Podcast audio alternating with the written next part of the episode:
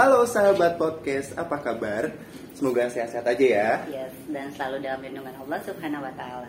Tentunya kembali lagi bersama dengan kita berdua, saya Firman Jandiova dan Dan saya Adi Fitri Kirana. di podcast yang selalu ditunggu-tunggu di mana lagi kalau bukan di ngobrol bareng Adi Fitri Kirana, sharing yuk yuk yuk yuk biru banget Oke. Kita sehat- biru-biru ya? Iya, sehat terus dari tadi ya. sehat tapi hari ini Eh, Alhamdulillah. mental gimana mental Nah ini dia kayaknya agak-agak membutuhkan seseorang yang ahli. apa soal karena covid atau Semuanya. pasangan mm, tolong sensor. Dan ini semua eh, bagus banget untuk kita pembicaraan kali ini, sharing kali ini karena memang kita akan datangkan tamu spesial yang salah satunya adalah sahabat kita. Yes, karena di episode kali ini kita akan membahas mengenai Mental. gimana sih caranya recovery mental setelah COVID-19 ini. Hmm, Kita- terganggu nggak? Enggak sih, tapi lebih ke perasaan soal cinta. Itu juga mental sih Iya sebenarnya sih. udah lah ya daripada panjang-panjang kita akan menghadirkan sosok yang spesial Luar biasa, beliau Mau merupakan seorang presenter, nah itu dia model, model, dan Cantik. sekarang juga seorang psikolog. itu dia dan dia memang se- seorang coach dari Hijrah coach. yes. Ini Oke. dia, ada Mbak Intan Erlita. Halo. Assalamualaikum. Waalaikumsalam Ya, minta izin Bapak izin. Sahabat kayaknya kita nggak ketemu Ah, ah, ya Allah, udah bukan sahabat lagi bu. Ini sama dia juga, sama kamu juga. Ini ya. sebenarnya aku agak nervous loh. Ya kan? Biasanya kan ngurusin Ibu Intan ini di belakang layar. Sekarang saya harus ada duduk berdampingan loh. Ya ya boy ya. dan hidup akhirnya lingkarannya itu itu juga ya aku Yes. nggak nyangka kalau ternyata Ayang kenal sama Firman Yes. Nah, Kita sesirkel lah. Intan apa kabar? Baik alhamdulillah. Ini kalian apa kabar sih kok biru-biru banget ya? Iya, karena biar menutupi mental kita yang sedang tidak baik-baik aja. warna itu emang bisa bikin Oh gitu, ya, ngaruh, pengaruh. ngaruh. Oh, Warna biru ini warna apa nih? Iya tenang, Oh, Oke. keadaan seolah-olah. Seolah-olah, padahal mah enggak. kan kamu kelas aja dulu. Iya, iya. Iya, bener. Tapi itu merupakan satu satu apa ya eh, upaya ya supaya Iya. nggak kelihatan jatuh banget ya mentalnya. Eh, tapi bener loh dalam dunia psikologi soalnya memang ada psikologi warna Oke. Oh, oke, ini menarik sekali. ada Berani, iya, jadi gitu. kalau misalnya kita lagi Sedih. sedih lagi Hitam. sumpek ya jangan pakai warna-warna hitam justru Oh, jadi makin. lah kelihatan kalau Ah. hidup tuh Tapi kan menutupi dandanan. kekurangan ya yang Itu bikin nutupin badan. Oh iya iya benar-benar. Sama dosa. ya sebenarnya make up bisa lah ya Iya, iya, iya, iya. Atau nggak pakai AFK Beauty Skincare Oh, Glowing iya. Ya, Sehat. boleh kalau ada yang Iya, mau. iya. Hijrah apa kabar? baik eh, semakin berjalan ya Semakin berjalan dan semakin banyak kelihatannya. Iya, iya, iya. Tetap ya, walaupun pandemi. Eh, justru karena pandemik jadi karena kita kan core-nya kan eh, training ya Hmm. training terus pengembangan people development justru mungkin banyak orang membutuhkan area itu ya Oke. jadi lininya kita termasuk lini yang justru berkembang di Iya, area iya, iya. ini Tapi sebelum lebih jauh, boleh diceritain dulu nggak sih si Hijrah Coach ini? hijrah coach ya hijrah coach itu sebenarnya kita tuh profesional business coach gitu Oh, ya iya. tapi poinnya adalah kita para profesional coach gitu. Mhm. tapi memang coach-coach yang di dalamnya itu semuanya punya license dari internasional Hmm. Iya ini juga banyak banget tuh Iya, ininya. Boleh Betul. dijelasin dong? Gelarnya banyak Tanya, banget. sampai nggak disebut tadi. Sampai nggak disebut karena banyak takut salah ya kan. Enggak jadi gini, eh, karena kan sekarang banyak banget ya orang dipanggil coach, Coach. Iya, coach. dipanggil apalah ya Hmm. gitu ya, master master apa. Hmm. Tapi pertanyaannya the real coach enggak gitu. Nah. Certified nggak? Certified nggak kan Hmm. bahaya ya. Betul. Nah di hijrah coach itu semua coachnya harus tersertifikasi, tersertified karena kan kita kayak menghadapi orang, ya nggak. Terus kita ngadapin perusahaan itu mereka minta tolong di build timnya, Hmm. gitu, dibuat eh, apa namanya culture-nya. Kalau kita nggak ada ilmunya kan kita Iya. ngebodoh-bodohin orang Yes. ya. Betul. Nah jadi di coach itu kita pra- para profesional coachnya ini kita punya sertifikasi semua dari ICF Amerika sama IBLAN UK.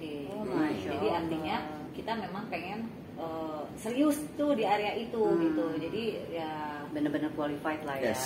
benar karena kan kita hubungannya tanggung jawab kita ya. Iya iya Ya. iya, Jadi kita Allah. sampai orang coach coach coach pas ditanya coachnya dari mana? Nah, itu coach dia. persahabatan. Bukan dari pramuka juga. Bukan dong. Bukan ya, dong, beda lagi coach Nah, itu. makanya boleh nggak sih sedikit dijelasin ya itu kan ada eh, apa? Gelarnya? Ya, gelarnya banyak coba. Oh, Oke. Gelarnya Mbak Oke, Intan tuh apa? itu? ya Coba, kan? coba, coba. Yang Kan kita lengkapnya orang ya? awam, Iya, yang kita orang awam jadinya. Oke, Intan Ernita Aha. MPSI-nya Nah, itu karena S2 mm-mm. psikolog. Psikolog. Psikolognya kan memang psikolog ya. Jadi kalau Mm-mm. psikolog tuh kuliahnya harus S2 dulu, Oke, baru S2 baru. ambil profesi Hmm. gitu Oh, kan. oke. Setelah itu ada namanya CBHC, itu Nah, itu. dari ICF Amerika. Oh, Kalau itu yang benar-benar mengenai ilmu coachingnya. Hmm. Oke. Terus ada CHMP. Nah itu Hmm. ya MP tadi Kan? CHMP itu Certified Hijraman Practitioners. Jadi itu uh, Masya mempelajari Allah. karakter orang. Oh kebaca Hmm. Walaupun pakai singkat baca ya kan Ini dari My Brand UK. Hmm. Terus ada ACHC. Hmm. Itu Masya Allah ya Banyak banget. Itu apa Gak usah diakalin bengong aja sih. Sampai nganga lah ya ACHC, ACHC itu Mhm. jadi dari IC Agile dari Amerika IC Agile itu tentang untuk coaching juga. Ada PBHC. PBHC. Hmm. PBHC itu sama dari ICF Amerika. Terus ada yang terakhir ayo apa? Yang terakhir Apa coba? SOS kalau nggak salah bukan dong, bukan SOS dong. Itu Banyak banget banyak banget. Iya CBHM. CBHM. Itu apa? Itu sama, itu da- itu tentang professional business coach. Jadi gini Bu, kan eh, kamu kan entrepreneur ya, nah, entrepreneur, pengusaha, Betul. ya kan. Kadang-kadang ada orang tuh jadi pengusaha itu kan karena eh, selain sis laki gitu ya lah Mhm, gitu ya, mhm. tapi juga punya apa namanya pertemanan, produk yang bagus Yes, gitu kan. betul. Tapi kadang-kadang mengembangkan bingung kan.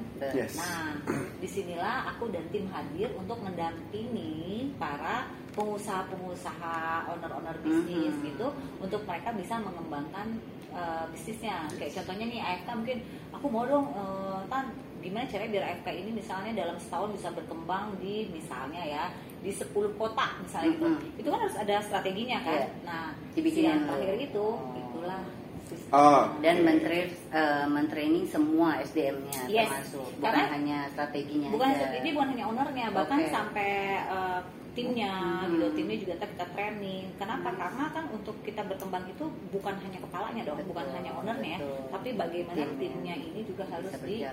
uh, edukasi Benar, gitu benar. Tuh kan, itu Masya Allah ya. core-nya Iya. kan. Tapi aku luar biasa loh, karena kita backgroundnya dari entertainer, terus jadi akhirnya mengembangkan seluruh. Kemampuan. Aku udah nggak bisa ngomong banyak karena luar biasa itu ngabisin berapa lama dalam belajar belajarnya. sebenarnya belajarnya sebentar bu karena itu kan short course ya Hmm. jadi sekolahnya jangka pendek ya bukan Hmm. yang panjang ya Enam karena itu kan uh, soft skill ya Itu berapa? Ya paling belajarnya sih total-total 5 bulan 6 bulan sih Hmm, total belajarnya ya. Hmm. Tapi yang susah itu kan aplikasinya Betul. ya. Yes. Mengaplikasikan ilmunya ya gitu ya. Tapi karena emang aku seneng basicnya, emang seneng belajar. Hmm. Jadi ya emang seneng aja gitu habis setelah 6 bulan sih eh ada apa lagi ya? Ada ada short course apa lagi sih ikut deh Oh. gitu training apa lagi Hmm. ikut. Emang Masya Allah, aja. luar biasa. Tapi memang ini mem- menginspirasi banget loh. Memang Yes. belajar itu nggak perlu pakai harus nunggu kapan di mana dan harus kayaknya udah tua deh enggak deh enggak kayak gitu deh Nggak ada Nggak ada aturannya, batasannya nggak ada kan nggak ada batasannya. batasan aku tuh baru bener-bener belajar tuh 2017 ya. Bulan tahun yang lalu? Lima tahun? Iya. Lima tahun, kurang lebih lima tahun yang lalu kan? Jadi emang gak ada kata terlambat. Aku tuh baru serius eh, memang sekolah sekolahnya kan dari kuliah ya dari kuliah cuma emang udah kuliah Iya. lah ya. gitu terus sempat eh, jadi psikolog praktek di rumah sakit terus memutuskan berhenti Mm-mm. ya kan? Eh, untuk di praktek di rumah sakit lagi. Belajar eh, setelah udah punya anak empat Hmm. Ini anak empat badannya begini Firman ya Anak empat loh. Tuh, Loli, lihat tuh. Luar biasa. anak Anaknya aku empat. Allah, aku aja anak nah, eh, sekarang kan lagi masa masih pandemi, Yes. ya kan? Pasti banyak sekali dampak baik itu ke kita kita juga, Secara fisik ataupun Ya, mental betul. ya.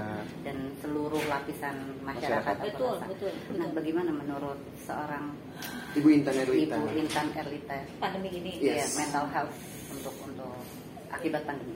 ya banyak orang sih yang secara psikisnya Terdampak jatuh ya? ya terdampak ya karena eh, mungkin tahun-tahun ini justru tahun yang lumayan berat Hmm. Iya. karena gini eh, awal tahun kan kita shock semua ya Mhm. shock nih sama Mhm.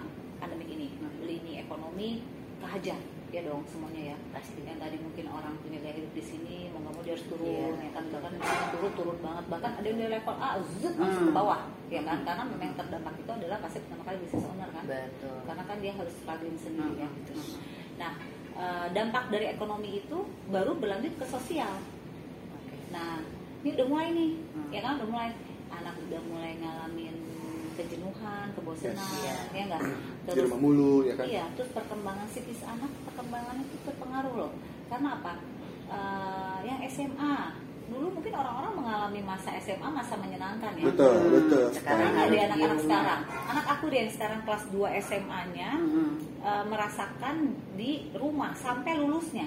Mhm. Jadi dia nggak ngalamin masa-masa remaja secara full. Main pada yang umumnya. SMP, masa mereka perubahan dari ABG menjadi remaja gitu kan, Hmm. itu juga. Yang SD semua kena dampak dan ini efeknya panjang gitu kan. Hmm. Nah orang tua juga udah mulai sekarang kena nih, udah mulai merasakan banget. Kenapa? Eh, kalau dulu kan di dua, di dua tahun pertama mungkin mereka struggling dengan tabungan mereka punya, Ya. yes simpanan punya. Sekarang mereka mungkin sudah mulai menipis sementara pekerjaan mungkin ada yang sudah mendapatkan, ada yang belum, Belum. mendapatkan, Ah. ya kan? Jadi sekarang justru masa berat-beratnya. nih. baru mau bangkitnya ini ya Iya. Jadi kalau dibilang kalau aku kalau ditanya nih kan eh, menghadapi covid ini gimana? Lari maraton Hmm. analoginya. Karena kita nggak ada yang pernah tahu ini selesainya kapan. Yes. Kalau sekarang kita udah sprint, Hmm. ternyata finishnya masih jauh, jatuh semuanya. Iya. Terutama buat siapa? Orang tua. Hmm. Jadi anak tuh harus diedukasi karena sekarang yang stres sudah mulai banyak dan yang menyedihkannya tuh kalau dulu kan yang konsul ke psikolog tuh orang tua ya. Iya, yes sekarang anak-anak ya. Sekarang anak SMP, oh ya SMA. Kebanyakan? Iya. Coba deh kalau kamu lihat sosial media ya yang lagi viral ya. Adalah kemarin ini.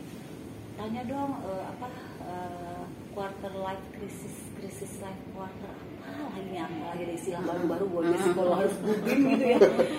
Oh ternyata oh ini mah bahasa simpelnya masa labil gitu ya. Hmm. itu bahasa anak jaksel Terus udah gitu apalah butuh healing lah apa. Iya. Rasa-rasanya dulu Nggak ada ya. juga kita nggak ngerti ya dulu ya. Iya. Itu agak tabu ya kalau orang mau pergi ke psikolog atau ke psikiater Betul, apalagi betul. tabu gitu kayaknya. Memang sekarang orang-orang lebih melek sih, ya Hmm. butuh psikolognya melek Betul. gitu ya, bagus sih untuk mentalnya gitu. Mm-mm. Tapi sekarang tuh apa-apa dikit-dikit tuh lariin ke mental, itu yang kayak Yes. kok lemah banget ya, kayak saya, Mm-mm. aduh aku stres nih, eh, bun, aku tuh gini gini gini gini, aku tuh kayaknya kena depresi gitu, bisa ada orang kalau misalnya anak-anak ABG tuh curhatan sama aku, terus aku suka gini, gitu ya. kok gampang banget ya anak sekarang bilang dia Hmm. stres dia depresi, dia tau gak sih depresi itu apa Yes. gitu loh, ya kan Hmm. masa aku gitu kan, Hmm. dan coba deh perhatiin deh, Eh, sekarang kasus bunuh diri tuh Banyak Banyak. banyak banyak. ya kan kenapa karena ya itu tadi tingkat stresnya tinggi Hmm. mereka nggak dapat teman ngobrol yang Hmm. baik mereka butuh Nah, ada iya. dia mendiagnosa diri sendiri Hmm. tambah stres stres stres stres sampai akhirnya dia merasa gak ada yang bisa diajak ngobrol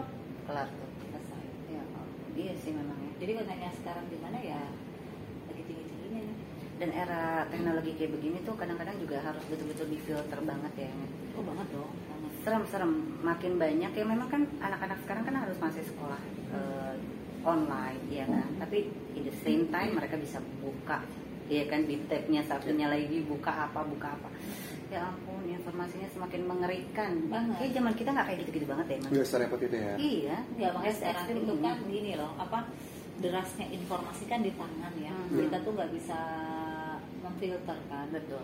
Nah, eh, anak-anak juga kan dia bisa buka apa aja sekarang. Iya. Anak-anak sekarang tuh matang sebelum usianya. betul Iya nggak? betul, betul. Sekarang simpel aja deh. Anak-anak sekarang sama kita gaya pakai bajunya mirip kan? Iya. Kalau dulu kan kita lihat satu ya, baju kadang. Kelihatan ya, ada kelihatan orang tua oh ini mana. yang SD, oh ini yang ABG. ABG, oh ini yang orang tua. Sekarang kan rata-rata mirip ya. Keuntungannya di siapa di kita. Benar. lebih awet muda ya padahal, padahal bukan kita yang awet muda tapi anak-anak Anak-anak sekarang. sekarangnya Hmm. yang memang dia bergaya seperti sama dengan kita udah nggak ada bedanya kalau itu Yes. kan jelas ya Hmm. misalnya kalau pakai yang brand ini mah itu, itu Orang tua ya, iya, gitu. gitu kan Nah, ABG kan banget, enggak itu gitu bisa ya. bisa sama nah Sama, itu betul. dari yang simpel masalah pakaian kemudian dari soal informasi anak-anak sekarang apa sih yang dia nggak bisa cari informasinya coba Mm-mm. deh bahkan lebih pintar daripada kita Betul. bisa lebih pintar tapi bahayanya kalau yang dia googling itu sesuatu yang salah, Salah. Nah, itu dia. karena kan sekarang siapa pun bisa mengunduh Hmm. misalnya nih aku Betul. nih aku bukan orang yang expert di kesehatan ya Hmm. terus so tahu gitu kan Hmm.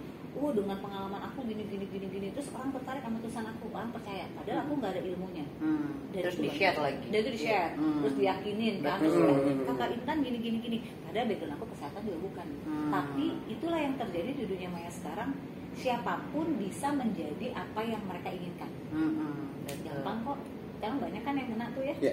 mau kelihatan kaya Posting, ya pakai Foto, posting. foto branding jadi ya. Balikin. mau kelihatan kayak orang pinter posting aja buku tiap hari Yes. baca buku Padahal nggak dibaca Iya. tuh padahal nggak ya. dibaca gitu atau buat konten Iya. doang. Nah, Mm. artinya di dunia maya itu apa pun bisa kita create buat Hmm. diri kita. Tapi kan real life itu kan ini. betul. Ya kan? Nah, itu yang akhirnya kenapa dunia maya itu bahaya. Kenapa gadget itu bahaya?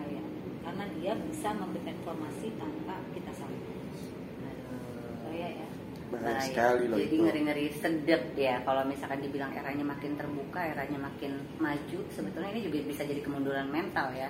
Kalau tidak didampingi dengan orang yang tepat, tidak diedukasi. Yes. Nah ngomong soal mental apa sih yang harus dilakukan untuk menjaga stabilitas stabilitas mental ya keluarga stabilitas mental kita tuh apa sih yang harus dilakukan gitu Gini, em, balik lagi ke sosial media. Mm-mm. Karena kan kita emang di rumah dulu kita ngapain sih sekarang Iya. selain Ya, scroll, scroll apa yang ada gitu ya. Instagram apa-apa gitu Tapi ya. tahu nggak itu ternyata pencetus stres kita nomor satu.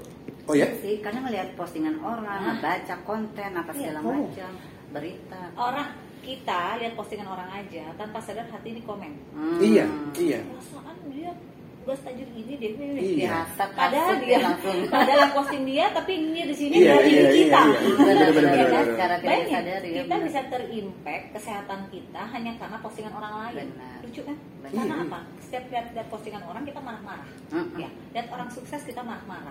Eh, lihat orang sehat marah-marah ya lihat orang hidupnya sehat pencitraan banget Iya. pokoknya semua jadi negatif tanpa kita, sadari postingan orang menghasilkan darah tinggi di kita gitu kan nah artinya eh, kalau saya udah di tahapan ini eh, saya memfollow teman-teman banyak karena kan kita kan eh, silaturahmi di dunia maya lebih penting ya betul. unfollow Iya. kehidupan Selesai. kita berantem aja gitu kan jadi aku memfollow teman-teman aku tetapi ya ini nih tipsnya nih pilihlah orang-orang yang memang fitsnya boleh tampil di kita dengan cara apa? Kita boleh nge-mute orang-orang yang kita, kita anggap toxic. itu sah sah aja Iya, kan benar. sebenarnya Sah kan dong. Sah dong, itu Sah. kan punya kita. Karena ini kan gini, karena ketika kita buka kan udah langsung fitnya orang lain kan. Betul. Ya, bayangkan nggak setiap kali kok kita lihat, terus kita marah, kita bete, gitu, itu toksiknya ke kita. Betul. Hmm. Ya kan? Daripada kita nanti jadi mentalnya sakit, maka pilihlah orang-orang yang memang mau kamu lihat dan kalau lihat dia kamu positif. Nah, benar. Dan itu sudah aku lakuin sekarang. Nah, terus yang kedua adalah eh, karena ini masih kayak gini ya, mulailah cari inner circle pertemanan yang positif. Iya, betul. Jangan semua undangan diterima bu. iya bener Termasuk Ya. alasan dan Ya. Dan itu. kenang kawan. Soalnya Kawannya. gini, kalau datang hanya karena aduh kalau pakai inter udah omongin ya terus ini ditemenin ya Aduh, aduh ini capek. capek, Capek, carilah capek. the real fact nggak apa-apa bu kalau teman kita kurang dari 10 nih jari aja nggak bisa nggak apa-apa tapi ketika kita ketemu dia jadi diri sendiri itu pertemanan Iya, sehat. betul. Dan lebih qualified lagi ya. Aduh. Iya dong. Sekarang capek nggak sih misalnya aku ya? Aku dikenalnya sebagai psikolog dan coach. mm-mm. Capek nggak sih kalau setiap ketemu harus, eh, sama iya. psikolog? Oh iya iya gitu. Capek dong. Mm. Tapi kalau aku sama sahabat-sahabat aku, itu aku bisa lepasin semua aku sebagai coach Iya. psikolog apa dan aku bisa yang gila dong apa kabar gitu kan masih mm-mm, itu jadi diri sendiri Iya, ya. Dan betul. justru pertemanan kayak gitu yang sehat karena dia nggak peduli uh, background lo apa, dia Iya. nggak Lo siapa, lo gitu. siapa, Betul, betul. lo tajir atau dia nggak peduli tapi emang dia melihatnya bahwa oh ini emang intan Mm-mm. gitu ini emang adiknya emang firman Mm-mm. itu jauh lebih nyaman karena kita diterima nah itu jadi yang kedua yang ketiga diri ini butuh eh, berani berkata tidak Yes. karena kadang kita nggak enakan Betul, Orang Indonesia. betul. Iya kan? Tipikal orang Indonesia Orang banget ya, aduh, nggak ya. enak. nah aku udah di tahap ngomong tidak. Jadi kalau orang mau gini Tan lu kok sombong banget sih? Udah nggak pernah belajar ke sini ke sana ke sini ke sana ke sini. Kan nggak mungkin ya kita ngomong enggak soalnya gue tuh demi mental gue sehat. Gitu ya. Tapi aku ngomong gini iya sorry ya gue soalnya sekarang sibuk banget kerjaan gue agak lumayan alhamdulillah nih. Jadi gue harus memilah mana yang bisa gue datengin mana yang- karena badan gue cuma satu. Jadi aku alasannya gitu. Tapi sebenarnya di balik itu semua aku lagi memilih untuk Melindungi yang diri ya. Nah, Mbak Intan nih, eh, apa aja sih kegiatan yang bisa membantu memulihkan mental kita nih? Kalau misalnya kita udah merasa kayak, di gue stres banget deh gitu, gue udah depresi banget kalau kata anak jaksel gitu. Ada nggak sih kegiatan-kegiatan yang bisa memulihkan itu secara di rumah gitu atau secara cari pribadi? Hobi Cari Hobi, yang paling Ini simpel cari yang hobi. ya. Iya, karena gini, gini ya. Sebentar, kalau nggak punya hobi, Kasihan. Kalau hobinya ngepoin orang, nah bukan hobi. Oh, bukan Itu hobi. nyari penyakit. Oh, Oh, nyari iya, penyakit. bener. Jadi gini, enggak gini. Karena manusia tuh pasti punya kegiatan yang dia kalau mengerjakan itu Happy. happy. Hmm.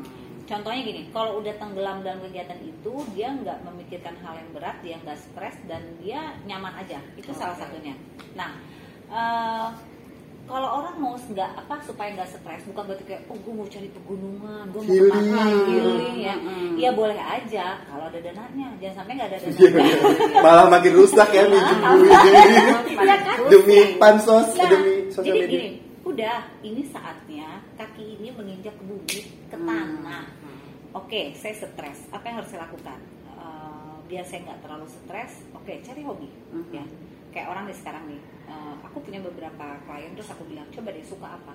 Hmm, aku nggak tahu bingung. Coba sesuatu yang kamu suka apa? Bertanam ya. Tapi masa sih aku main tanaman gitu, -gitu kan ya gitu.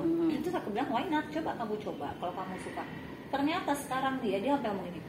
Wah iya ya Tania. Ternyata sesuatu itu gak jauh ya kita cari. Karena kenapa? Kita yang denial kadang-kadang. Iya. Masa sih gue main tanaman nih gini gini gini. Mm-mm. Dia sendiri yang ibaratnya nyela gitu Iya, ya. Tapi iya, iya. ketika aku bilang coba deh, coba dulu ternyata dia suka. Dan sekarang dia malah teras-terasnya penuh dengan tanaman-tanaman dan bagus akhirnya kan. Kemudian ada lagi datang. Coba sukanya apa?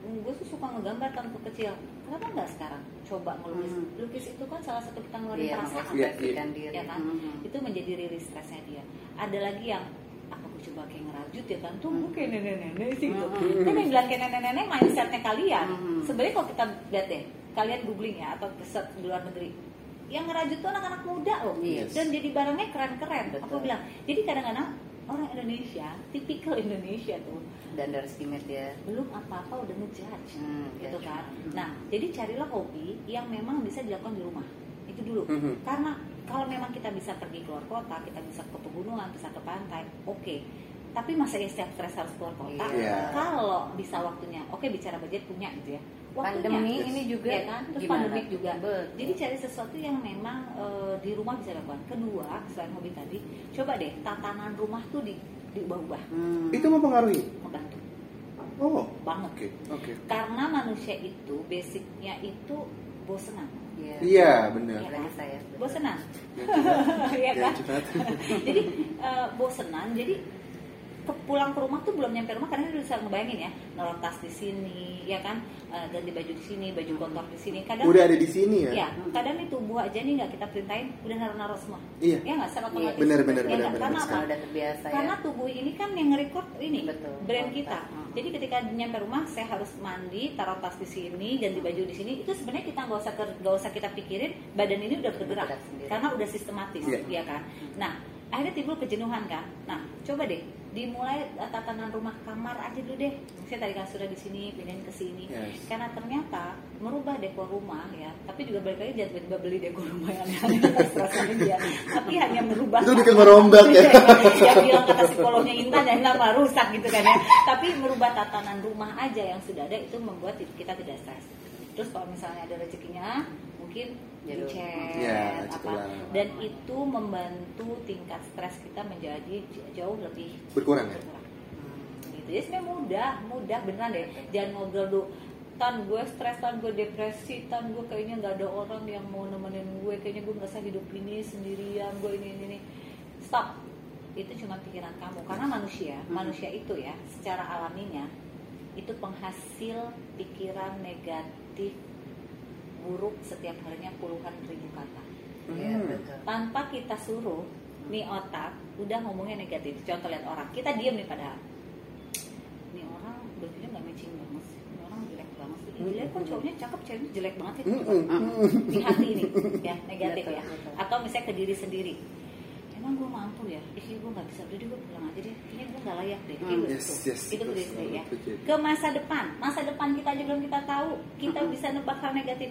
Kayaknya Nggak gue nggak mungkin sukses Ah. deh kayak gue nggak bisa jadi pengusaha deh. Kayak gue nggak bisa kayak mbak Ade deh yang punya klinik kecantikan Gua Kayaknya nggak bisa jodoh kayak gue nah gitu.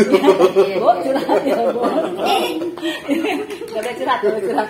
Nah jadi artinya manusia itu penghasil pikiran negatif di dalam dirinya secara otomatis Hmm. tanpa Hmm. diminta jadi nggak usah lah kita memikirkan hal-hal negatif karena nggak diminta aja pikirannya udah negatif Yes. justru gimana caranya membunuh pikiran-pikiran negatif yang ada di sini Betul. karena kalau nggak itu menjadi mental block Hmm. Nah, iya dan benar-benar. itu yang lebih susah Dan katanya benar nggak sih? Aku pernah baca di salah satu lansiran bahwa satu hari manusia itu terdapat 35.000 ribu keinginan. Iya. So kalau kita nggak punya fokus, kalau kita nggak punya untuk apa ya keseimbangan ya di dalam menjalankan sesuatu, maka ya jadi berantakan.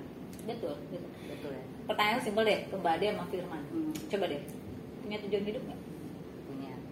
ada Ada. Ada. Firman Ada. apa Pengen sukses. Udah paling standar ya. Standar ya. Tujuan-. Tapi benar, orang tuh harus punya tujuan hidup. Ya. Karena kalau lebih dari tujuan hidup itu analoginya gini. Oke, kita dikasih sama sang pencipta ya, Mhm. itu nggak mungkin jelek. Ya. Karena fitrahnya manusia lahir ke dunia itu bagus. Ya, yang menjadikan dia penakut, nggak pede, merasa nggak layak itu diri sendiri dan pola asuh. Hmm. Jadi pola asuh di rumah penting nih, Ya. ya. Nah, jadi basicnya kita punya ya. Oke, anggaplah diri ini sebuah mobil sport yang keren, Mhm. ya. Kita eh, kekuatannya oke, semuanya bagus. Kita jalan di tol, kita nggak tahu tujuannya ke mana. Hmm. Hmm. Sebagus-bagusnya mobil, mogok nggak di tengah tol?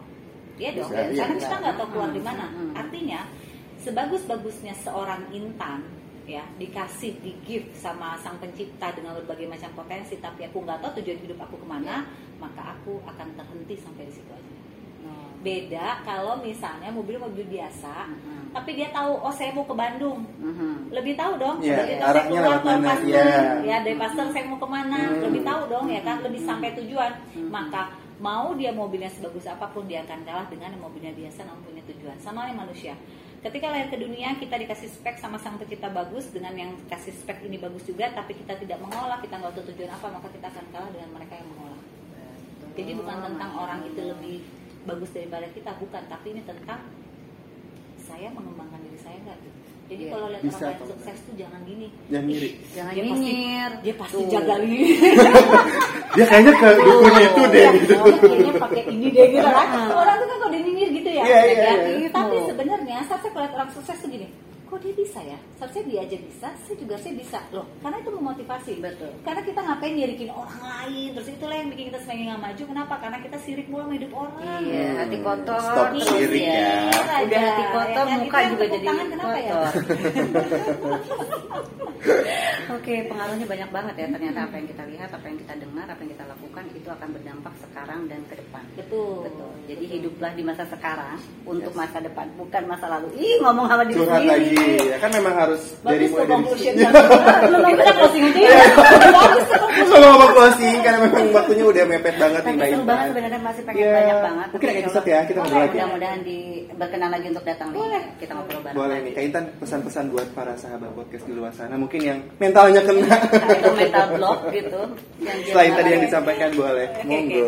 Eh, ini aku lihat ke sini ke sini ke sini. Boleh ke mana nih ada Bisa 30 ribu kamera.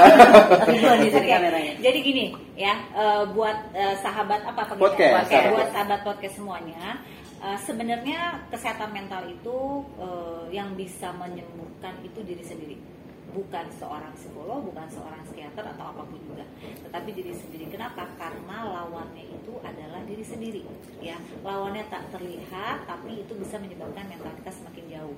Jadi kalau kita merasa bahwa ada yang salah sama diri saya, hal pertama adalah introspeksi. Setelah introspeksi, ya kita harus beri langkah. Kalau memang yang dirasa penyebab mental health kita adalah lingkungan, maka tinggalkan lingkungan yang menyebabkan kita tidak sehat. Kalau yang menyebabkan kita tidak sehat adalah sesuatu yang memang bisa kita tinggalkan, tinggalkan. Kecuali keluarga, nggak bisa tinggalin kan? Hmm. Itu diobrolin. Iya, gitu. iya, Jadi poinnya adalah mental sehat berawal dari pikiran yang sehat, maka bisa menimbulkan fisik yang sehat. Sehat. Eh, Masya Allah. Jadi glowing, sehat, Bahagia. Sesuai dengan slogan. Cocok banget. Kak Intan. Mbak Intan terima kasih atur nuhun. atas waktunya. Sama-sama. Ya Sangat kan? bermanfaat sekali. Betul sekali. Eh kalau mau di follow Instagramnya apa? At intan underscore underscore erita. Coba yang ada 3000 di depan sini. Boleh ya? sama hijrah code-nya juga boleh di follow oh, Boleh ya. dong hijrah code-nya at Yang hijrah di depan coach. terlalu emosi ya.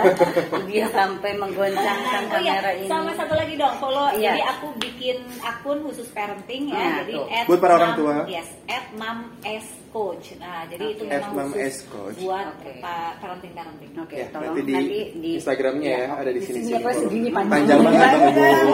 Sekali lagi terima kasih ya Mbak Ita sudah hadir.